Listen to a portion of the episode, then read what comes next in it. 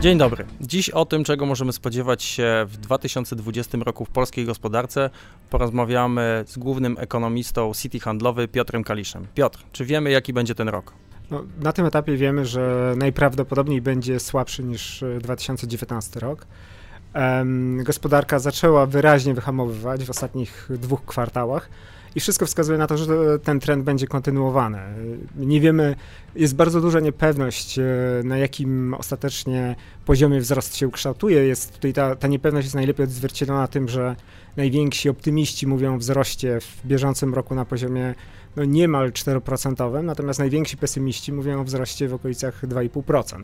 E, my spodziewamy się wzrostu na poziomie 3%, e, czyli będzie to wyraźne wyhamowanie w stosunku do poprzedniego roku. E, natomiast z drugiej strony też trzeba pamiętać o tym, że gdyby spojrzeć na wieloletnią średnią, to ta średnia wieloletnia jest na poziomie 3,5%, czyli nie będziemy bardzo odbiegać od tych naszych naturalnych, długoterminowych poziomów.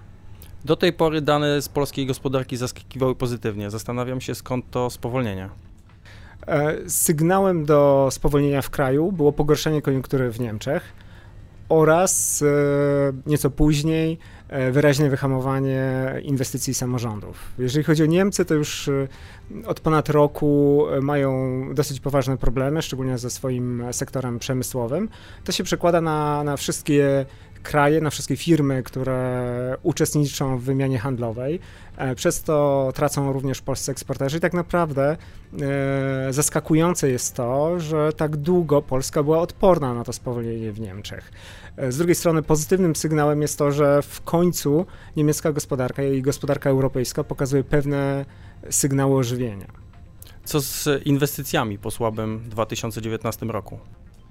Jeżeli chodzi o prognozy na najbliższe kwartały, to niestety nie są one y, nadmiernie optymistyczne. To znaczy, e, widać e, od kilku kwartałów spadki inwestycji samorządów, natomiast nakładają się na to również spadki albo przynajmniej osłabienie nakładów e, sektora prywatnego. No i biorąc pod uwagę to, co się dzieje w Niemczech, przynajmniej to, co się działo dotychczas, trudno spodziewać się odwrócenia tych trendów. Dlatego spodziewam się, że inwestycje będą słabe, prawdopodobnie na poziomie takim, jak, jak były w 2019 roku. Dobra wiadomość jest taka, że czynnikiem, który będzie e, napędzał wzrost, będzie konsumpcja. Dlaczego to właśnie konsumpcja miałaby zaskoczyć? E, no jest, jest kilka powodów. Znaczy, pierwszy główny powód e, to jest sytuacja na rynku pracy pomimo spowolnienia gospodarczego płace rosną w, w, relatywnie szybkim tempie. Gdybyśmy spojrzeli również na podwyżki płacy minimalnej, która następuje z, ze styczniem bieżącego roku, no to w, w, grupie osób o najniższych dochodach wzrosty podwyżki płac będą szczególnie istotne. Na to się jeszcze nakładają e, zwiększone transfery rządowe e, związane z rozszerzeniem programu 500, obniżką PIT-u dla, dla osób mniej zarabiających, więc gdyby wziąć pod uwagę te wszystkie czynniki, to można spodziewać się konsumpcji, która rośnie na w miarę stabilnym i w miarę wysokim poziomie. Czy Twoim zdaniem to doprowadzi do wzrostu cen? Wiele wskazuje na to, że inflacja rzeczywiście wyraźnie wzrośnie w najbliższych miesiącach. My oczekujemy, że w pierwszym kwartale może ona przekroczyć 4%, e, czyli będzie wyraźnie wyższa niż e, cel e, banku centralnego. Mm, jest, jest kilka powodów, które się do tego przyczyniają. No jeden z nich, takich szer taki szeroko komentowany, to są podwyżki cen energii elektrycznej, natomiast na to nakładają się również e, rosnące ceny żywności, no i podwyżki cen usług, które wynikają z, z rosnącej płacy minimalnej. Czego należy spodziewać się w kontekście całego 2020 roku? Jeżeli chodzi o inflację, to e, po wzroście na początku roku prawdopodobnie inflacja w końcu zacznie spadać.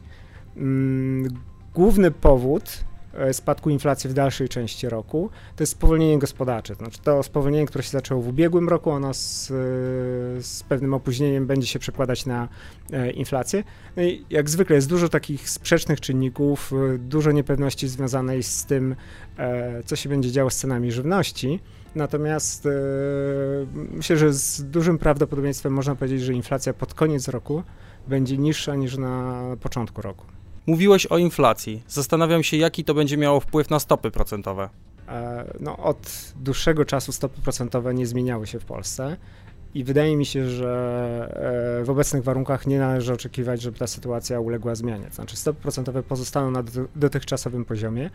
Rada Polityki Pieniężnej, czyli um, osoby, które decydują o tym, na jakim poziomie będą utrzymywały się stopy procentowe, e, od dłuższego czasu sygnalizuje, że nie zamierza nic zmieniać w polityce pieniężnej.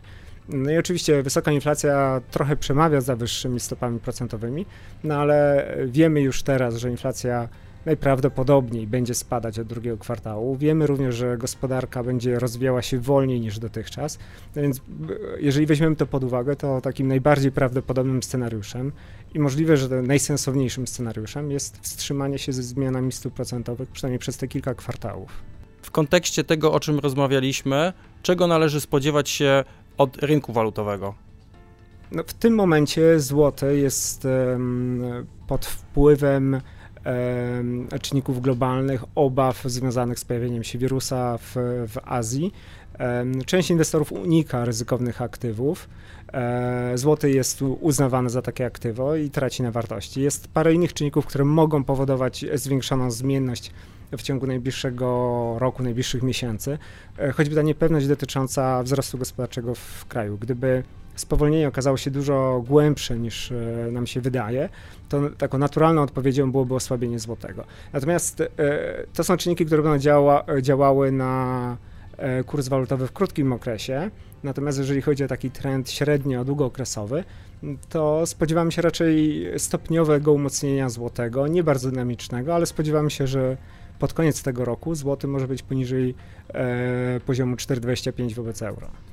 Podsumowując naszą rozmowę, możemy powiedzieć, że rok 2020 będzie rokiem wyraźnego spowolnienia oraz wahań inflacji. Niemniej, odnośnie stóp procentowych, które przekładają się na koszt finansowania, nie należy spodziewać się większych zmian. E, dziękuję Piotrze za rozmowę. Państwu dziękuję za uwagę. Jeżeli mieliby Państwo dodatkowe pytania, nasi dilerzy chętnie na nie odpowiedzą.